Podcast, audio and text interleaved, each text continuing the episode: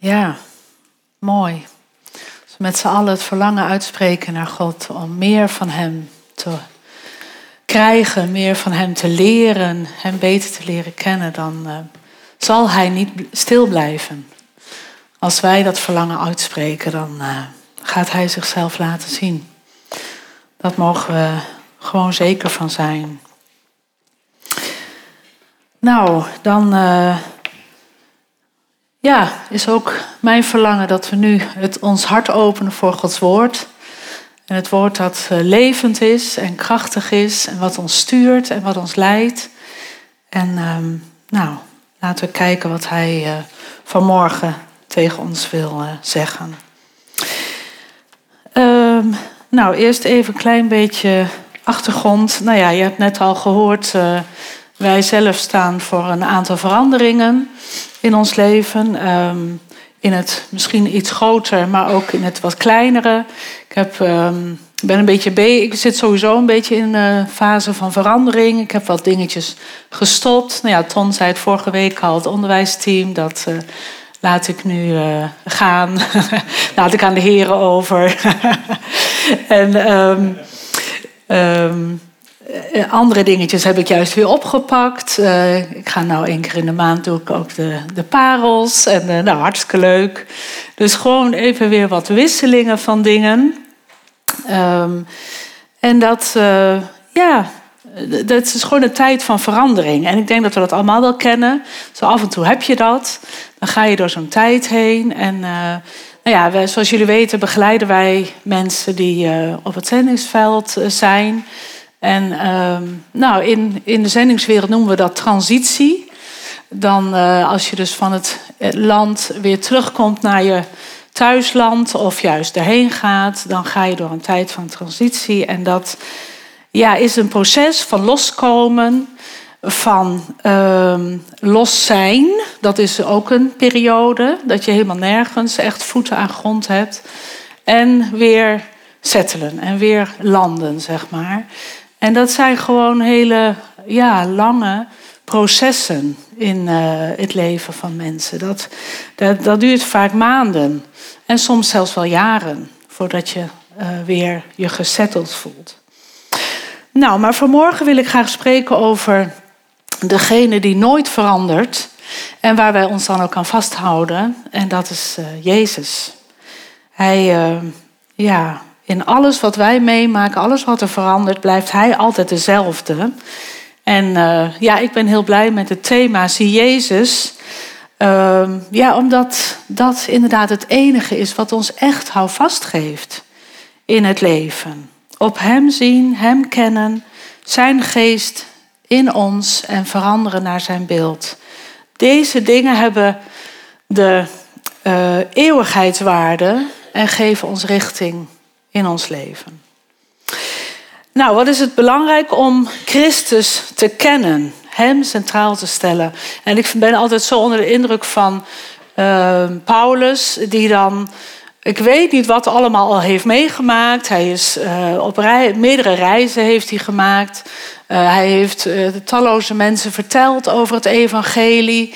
Hij is zelf natuurlijk heeft hij een enorm diepe aanraking met Jezus, uh, van Jezus gehad. Een ontmoeting, een live ontmoeting met Jezus.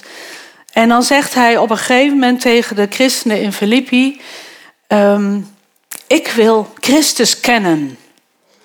Dat is wat hij zegt. Dan denk je van, nou, ken je hem nou nog niet dan? Maar nee, dat is zijn doel van zijn hele leven. Ik wil Christus kennen. En ik wil alles prijsgeven omwille van Hem. Het kennen van Christus, mijn Heer, overtreft alles. En dat, ja, hoop ik dat dat ook in ons leven meer en meer groeit. Dat al het andere uh, secundair wordt, maar dat uh, het kennen van Christus onze kern wordt. Het is ook iets wat dus niet stopt, wat dus niet ooit klaar is. We kunnen altijd Christus dieper kennen. Nou, ik wil graag uh, vanmorgen kijken naar uh, Jezus, um, de hoeksteen. Dat is zo'n term, uh, beeld uit de Bijbel die we wel kennen. Um, God belooft deze hoeksteen al in het Oude Testament. En in het Nieuwe Testament zien we daar de uitwerking van. We kennen dit beeld misschien vooral in verband met de gemeente, die, uh, waarvan wordt gezegd: hè, Jezus is de hoeksteen waarvan uit het hele gebouw uh, gebouwd wordt. En hij is het fundament. Um, op hem wordt het gebouwd. En nou, in Efeze staat daar dan over vanuit hem. Dan gaat het over de gemeente. Groeit het hele gebouw, steen voor steen, uit tot een tempel die gewijd is aan hem, de Heer, in wie u ook samen wordt opgebouwd tot een plaats waar God woont door zijn geest. dus dat, nou, we weten ook wel dat wij ons mogen geven als levende stenen. Dus wij worden samen, uh, worden wij dat gebouw. Maar we moeten wel geëikt zijn aan Jezus, de hoeksteen, anders groeien we scheef. Nou, dan uh, wou ik uh, graag twee teksten lezen uit, of in ieder geval begin met twee teksten uit Jezaja. En even ter oriëntatie op de tijdlijn. Jezaja is geschreven zo'n 700 jaar voor de geboorte van Christus. En hij leefde in de tijd van wel vier koningen. Um, en hij gaf verschillende visioenen door. Over Juda en over Israël en Jeruzalem. En uh, ja, Jezaja is, nou ja, jullie zijn uh, bezig met het uh, leesrooster in de, de Bijbel. Daar zijn jullie nu nog niet, maar ehm, tenminste, dat ik. Waar zijn jullie nu ongeveer? Exodus. Ja, ja. Nou goed, dus dat duurt nog even. maar goed, Jesaja is echt zo'n boek. Vooral in de, de, eerste hoofdstukken is het een heel veel misère. Want God die, die worstelt enorm met de zonde van Israël. Met hun ontrouw eigenlijk. dat zij vertrouwen op allerlei dingen behalve eigenlijk op hem. En daar worstelt hij heel erg mee. Maar Jesaja is ook het boek van hoop. Waar hij echt uh, neer, ja, de nieuwe orde al neerlegt. Nou, dus in Jesaja 28 staat. Um, maar dit zegt God de Heer: Ik leg in Sion een fundament met een uitgelezen grondsteen, een kostbare hoeksteen. Wie zijn vertrouwen daarop grondvest, hoeft geen andere toevlucht te zoeken.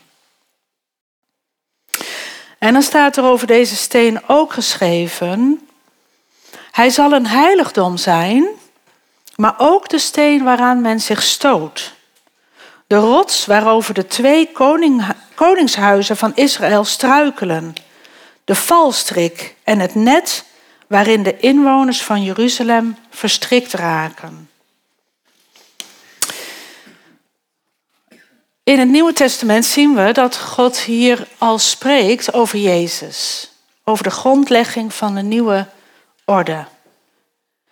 De kostbare steen die hij heeft uitgekozen. En we zien hier het beeld van een steen die eigenlijk twee verschillende kanten heeft.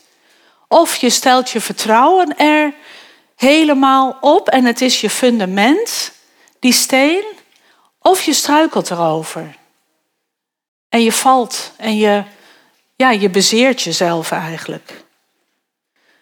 Hoe zien wij Jezus? Nou, het, ja, het ligt een beetje, het is, lijkt heel erg een open deur. Van ja, natuurlijk, wij, wij hebben net ook gezongen. Dat is wat wij, wij willen ons vertrouwen op Jezus stellen. En uh, nou, maar goed, we gaan daar gewoon naar kijken. Uh, um, hoe dat uh, voor ons is. Eerst nog een ander belangrijk gegeven over deze steen. En daar, dat is een tekst in Psalm 118. En daarin staat. Samuel, wil je hem eentje verder doen? Ja, dank je. um, ook een bekend vers. De steen die de bouwers afkeurden, is een hoeksteen geworden. Dit is het werk van de Heer, een wonder in onze ogen. De bouwers hebben de steen afgekeurd. En ik denk dat we daar op twee verschillende manieren uh, wat uitleg aan kunnen geven. In eerste instantie eh, dacht ik van nou, de, de wereld zou kunnen worden gezien hè, als de bouwlieden. De wereld die heeft Jezus eigenlijk afgekeurd. Ehm, en, en ja, Jezus wordt veracht door de wereld, kunnen we toch wel stellen. Soms wordt het heel duidelijk uitgesproken en soms is het meer een negeren van Jezus bestaan. Um, nou ja, vorige week was in het nieuws Thierry Baudet. Die uh, zei van het christendom dat is uh, zwak en niet mannelijk, noemde hij het. Uh, hij gaf ja, eigenlijk heel, ja, heel erg af op het christendom. En nou ja, Misschien dat hij zichzelf dan wel als sterk en mannelijk ziet, dat waarschijnlijk. maar ehm, Jezus is zwak en niet mannelijk. En nou, dat is natuurlijk niks nieuws dat hij dat zegt. Dat zeiden de mensen in de tijd van Jezus ook al. Uh, die hadden ook zoiets van, ja, is dit nou uh, degene die ons moet redden? Um, hè, en en uh, Paulus schrijft daar ook over. Um, de boodschap over het kruis is dwaasheid voor wie verloren gaan. Maar voor ons die worden gered is het de kracht van God. En hij zegt ook, wij verkondigen een gekruisigde Jezus, voor Joden aanstootgevend, voor heidenen dwaas. Dus de wereld vindt het dwaas. De wereld veracht en verwerpt de steen. Maar die steen is in werkelijkheid de basis, het, het fundament van de nieuwe wereldstructuur, Gods koninkrijk. En nou ja, in het Engels wordt het woord ook wel capstone, het, het woord capstone gebruikt. En dat is eigenlijk de, de ja, hoe noemen wij dat? Een, een dorpel is beneden, toch bij een deur. Maar je hebt ook zo'n steen die boven uh, op uh, de, de deur ligt. En die draagt eigenlijk het hele gebouw. Hè? Daar wordt het hele uh, gebouw verder op gebouwd. Um, en natuurlijk um, uh, cornerstone, de, de hoeksteen. Uh, maar in het Hebreeuws, dat vond ik ook wel interessant. In het Hebreeuws wordt het woord, is er ook een woordspeling met het woord voor leider.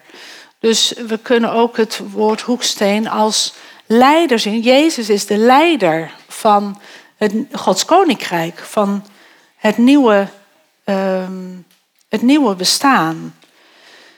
Dus die hoeksteen wordt neergelegd en van daaruit lopen alle lijnen, zowel horizontaal als verticaal. En daarvan uit wordt alles geëikt. En als dat dus, uh, als die eerste steen niet goed ligt, dan gaat het hele gebouw scheef. Nou, Jezus is dus degene waar Gods koninkrijk op wordt gebouwd. En alleen, ja, wat eh, Peter zei, dat haalde dat vorige week ook al even aan. Je kunt dat alleen met geestelijke ogen zien.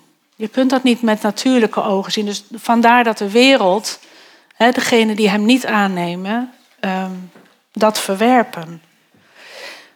Nou, dat is de wereld. De andere uitleg is Israël.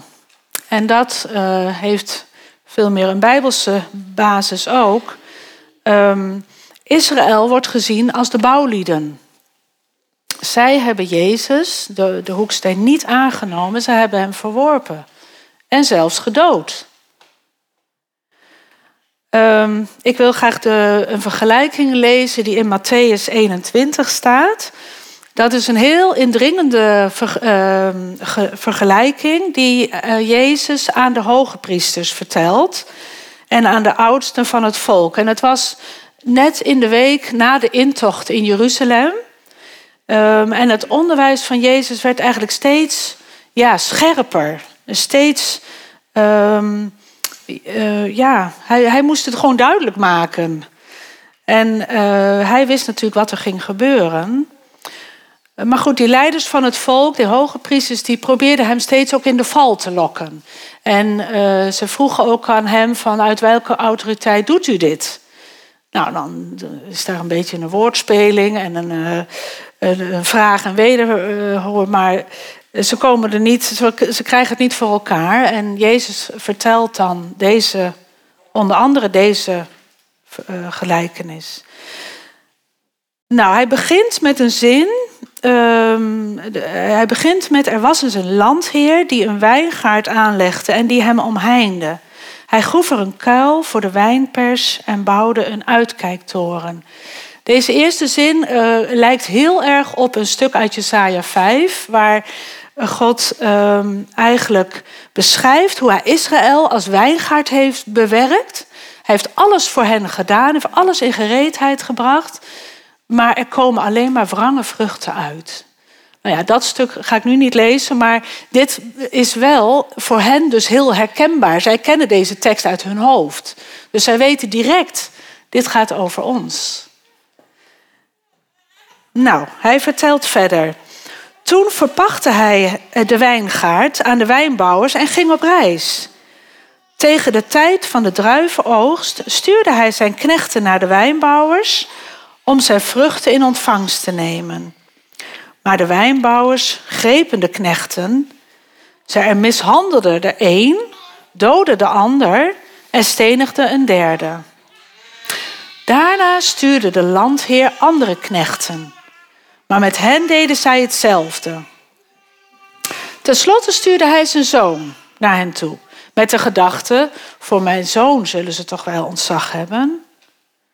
Toen de wijnbouwers de zoon zagen, zeiden zij onder elkaar: dat is de erfgenaam. Kom op, laten we hem doden en zijn erfenis opstrijken. En ze grepen hem vast, gooiden hem de wijngaard uit en doden hem. Nou, best een heftig verhaal. en Jezus vraagt dan aan de schriftgeleerden, de mensen die het volk Israël leiden, hij vraagt, wat moet de landheer nu doen? En zij reageren heel verontwaardigd. Zij zeggen: uh, laat hij ze op een onmenswaardige manier ombrengen en de wijngaard verpachten aan andere wijnbouwers die wel de vruchten afdragen wanneer het daarvoor tijd is. Maar dan haalt Jezus het vers aan wat in Psalm 118 staat. En hij zegt tegen hen: hebben jullie dan nooit gelezen? Hij weet donders goed dat zij dat hebben gelezen. Zij zijn de leiders van het volk. Zij kennen deze teksten uit hun hoofd. Hebben jullie dan nooit gelezen? Eigenlijk zegt hij, jullie hebben het nooit begrepen. Hebben jullie dan nooit gelezen? De steen die de bouwers afkeurden, is de hoeksteen geworden.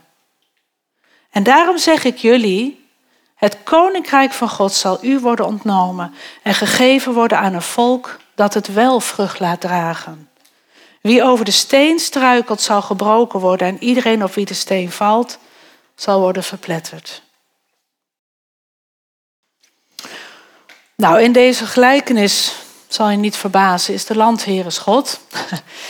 Eh, de wijngaard is Gods koninkrijk en de knechten staan voor de profeten die hij heeft gestuurd om het volk Israël te waarschuwen dat ze terug moeten keren naar God. Ze luisterden niet en gingen hun eigen weg.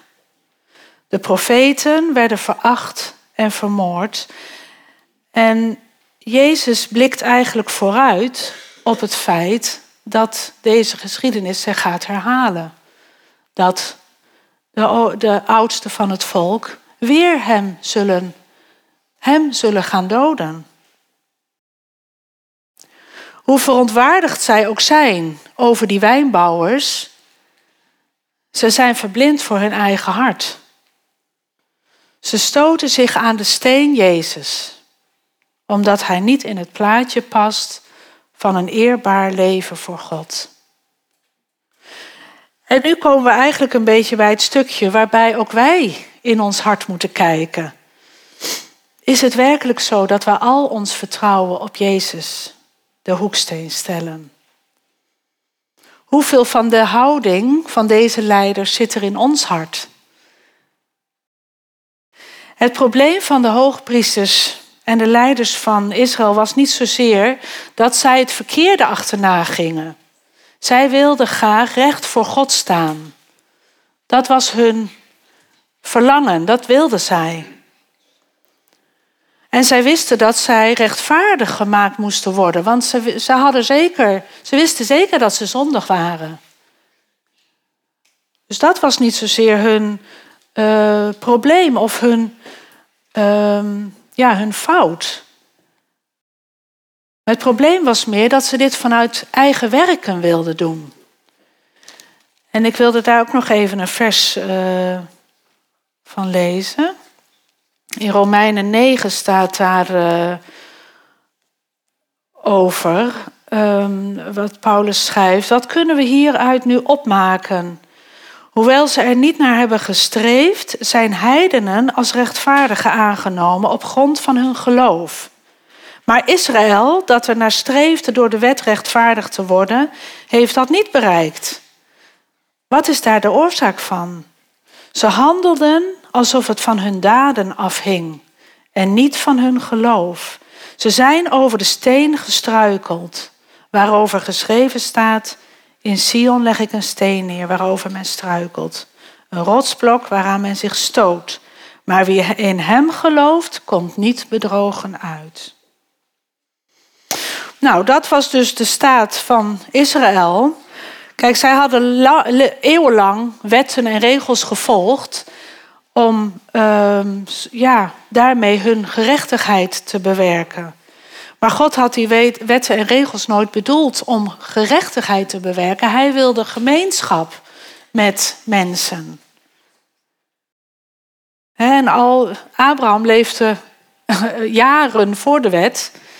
En hij, zijn geloof werd hem als gerechtigheid aangerekend. En toen was er nog helemaal geen sprake van een plaatsvervangend offer. Maar dat is wat God altijd heeft gezegd. Offers vraag ik niet, ik wil je hart. Nou, met de komst van Jezus komt er een enorme keer in de geschiedenis.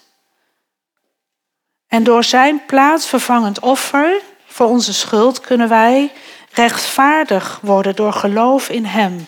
Wij kunnen nooit vanuit onszelf rechtvaardig worden, dat weten we. Alleen ons geloof in Jezus kan dat bewerken.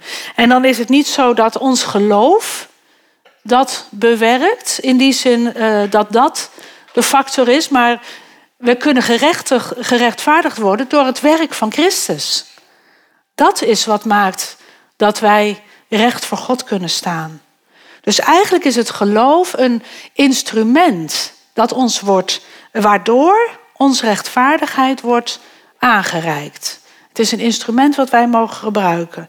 En daar las ik een heel mooi stukje over in. Uh, um, ja, dat is een boek. Uh, Systematische theologie, die, wat wij op de Bijbelschool moesten lezen. Uh, en dat uh, is nog steeds heel mooi om af en toe te lezen. Um, daarin stond over dat instrument geloof. Daar stond waarom heeft God eigenlijk niet besloten om iedereen te rechtvaardigen die oprechte liefde betoont? En of iedereen die vreugde betoont, of tevredenheid, of uh, nederigheid of wijsheid. Waarom geloof? Waarom koos God het geloof als instrument om rechtvaardiging te bewerken? En daar stond dan, omdat geloof precies het tegenovergestelde is van afhankelijkheid van onszelf. Wanneer we tot geloof in Christus komen, zeggen we eigenlijk: ik geef het op. Ik zal niet langer op mijzelf en op mijn goede werken vertrouwen.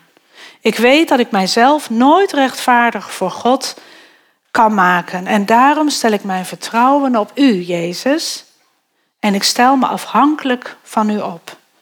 Ik vertrouw op U als bron van mijn rechtvaardigheid, rechtvaardiging voor God. En toen dacht ik van, ehm, dus toen, toen Adam en Eva kozen um, om nou ja, eigenlijk hè, om dus niet naar God te luisteren, kozen ze voor onafhankelijkheid van God.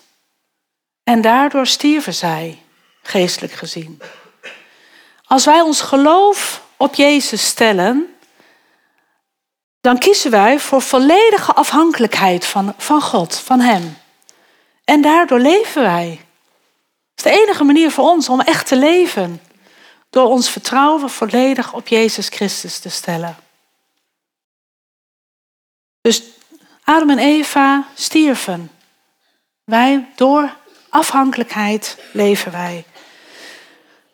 En dan even terug naar de vraag, hoe zien wij Jezus? Zien we Hem als de hoeksteen waar we ons vertrouwen op stellen? Of struikelen wij ook over Hem? In hoeverre lijkt ons hart daarop? Nou, ik zei al, het ligt eigenlijk voor de hand om te zeggen, natuurlijk vertrouwen we op Jezus. En dat is ook ons verlangen. dat hebben we met elkaar uitgesproken. En dat is ook ons verlangen. Maar we mogen altijd diep, we mogen altijd binnenin kijken. En ik denk dat dat ook nodig is om geestelijk te kunnen groeien, dat je binnenin kijkt. Wat zit er van binnen? Hoe reageer ik op dingen? Wat mag ik overgeven? Wat mag ik. Hè? En gelukkig is daar de Heilige Geest die ons dat stap voor stap laat zien. Hoeft niet alles in één keer. God weet wat aan de beurt is. En, maar wees alert op wat er binnenin je gebeurt. Hoe reageer ik als ik kritiek krijg? Hoe uh, vind ik het als een ander een compliment krijgt? Wat gebeurt er bij mij? En dat mogen we bij God brengen. Nou, ik wil uh, graag nog even over. Um, het, het, evangelie heeft eigenlijk twee uh, delen. Ja, Samuel, dit gaat even per klikje, heb ik trouwens niet tegen jou gezegd. Maar Oh nou ja, laat maar zitten. De klikjes werken al niet meer. ik had het zo leuk, maar ik zei tegen Sylvie, ik kan niks met PowerPoint. maar goed, dat maakt niet uit. Um, het evangelie heeft twee delen. En die kunnen we heel mooi zien aan de hand van twee uitnodigingen die God doet. Het evangelie is eigenlijk niet meer dan een uitnodiging. Iets wat God ons aanbiedt. En um, de twee uitnodigingen zijn eigenlijk aan de ene kant kom en rust bij mij. Alles is gedaan. Je mag rusten op het werk wat Jezus Christus heeft gedaan. Je hoeft niks toe te voegen. Je hoeft niks te doen. Hoeft alleen maar te rusten in zijn uitbundige genade. Hij is overvloedig in genade. Dat is de ene kant. De andere kant is, de uitnodiging ligt er ook. Kom en sterf. Dat gaat over het radicaal volgen van Jezus. Om jezelf neer te leggen en Hem achterna te gaan. Kijk, door die zondeval zijn wij loskomen te staan van God. En zijn wij heel erg geneigd om op onszelf te vertrouwen maar ook om, ja, eigenlijk kunnen we wel zeggen, we hebben een soort zelfleven. En dat zelfleven, dat bestaat uit een heleboel dingen. Wij, wij verdedigen onszelf. Wij promoten onszelf. Wij beschermen onszelf. Wij verheerlijken onszelf soms. um, wij hebben zelf liefde, we hebben zelf haat. We hebben allemaal die, we hebben zelf medelijden. Allemaal dingen rondom onszelf leven. En dat is denk ik van God, God de vraag, geef dat aan mij. En eik dat aan die hoeksteen. Alles waarvan jij denkt van daar moet ik zelf voor zorgen. Ik moet mezelf beschermen, ik moet mezelf verdedigen. Geef dat aan Jezus. En hij is de hoeksteen die bepaalt wat jij, hoe jij in jouw leven um, mag reageren en mag zijn en mag groeien. Op die manier wordt Jezus steeds meer de hoeksteen die ons leven bepaalt, als wij steeds die stapjes overgeven. En op die manier stellen we steeds meer ons vertrouwen in Hem, in plaats van te vertrouwen op onze eigen manieren. En ik zei het al, dat gebeurt natuurlijk onder de leiding van de Heilige Geest. Dat is niet iets wat wij zelf. Maar die Heilige Geest heeft wel ruimte nodig in ons hart. Nou, lieve mensen, ik wil uh, zo gaan afsluiten. Um, Gods doel met ons leven is niet dat wij een rustig en vredig leven hebben. Dat is niet zijn ultieme doel voor ons. Zijn doel zijn ultieme doel voor ons leven, voor ons als mensen, is dat ons hart aan Hem toebehoort. En dat wij in afhankelijkheid van Hem leven. Zo was het in de schepping, zo heeft Hij het perfect gemaakt voor de zondeval. Volledige afhankelijkheid van God.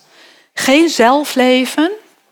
We hoeven niet onszelf te beschermen en te uh, verdedigen. Uh, maar volledig afhankelijk van Hem. En dat is denk ik waar Hij naartoe wil met ons. En daardoor brengt Hij allerlei situaties, of staat Hij dingen toe, brengt Hij dingen toe, uh, zoals Jona die in de storm. Uh, ja, Jona ging gewoon de verkeerde kant op. En door die storm moest hij wel gaan nadenken van hé, hey, wat gebeurt hier? Ik ga, het, het, het gaat niet goed. Er moet iets veranderen. Ik moet die kant op. Ik moet de kant op die God wijst. Dus dat is eigenlijk, ja, als er iets van onrust in je leven is, ga terug naar die hoeksteen. Kijk of je wel geëikt bent. Of je wel in lijn staat met Jezus. De dingen die scheef gegroeid zijn, komen weer recht te staan als wij ons richten op Jezus.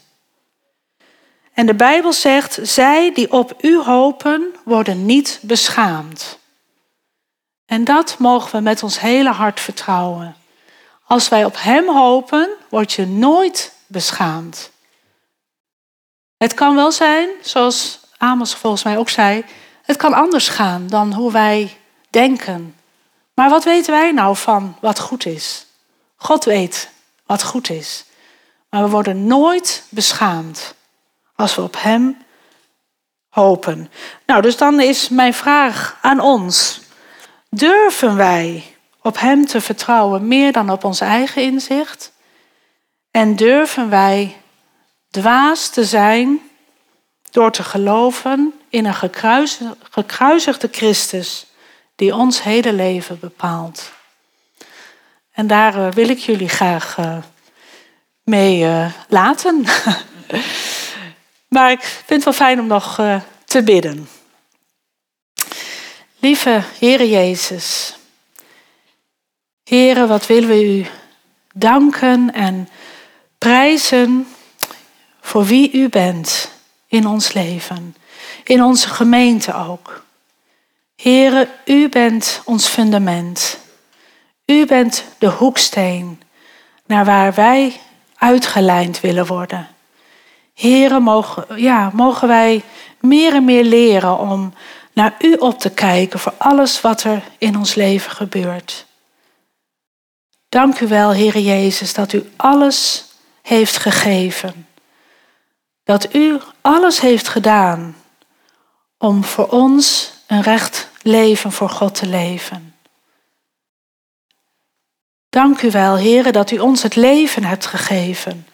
Dat u ons van de duisternis in het licht hebt gebracht. En dat wij in dat licht mogen leven. Heer, en zo wil ik bidden voor ons allemaal dat dit meer en meer een werkelijkheid in ons leven wordt. Dat u degene bent die alles bepaalt in ons leven. We willen ons aan u overgeven zoals we hebben gezongen. We willen ons aan u overgeven. Dank u wel. Amen.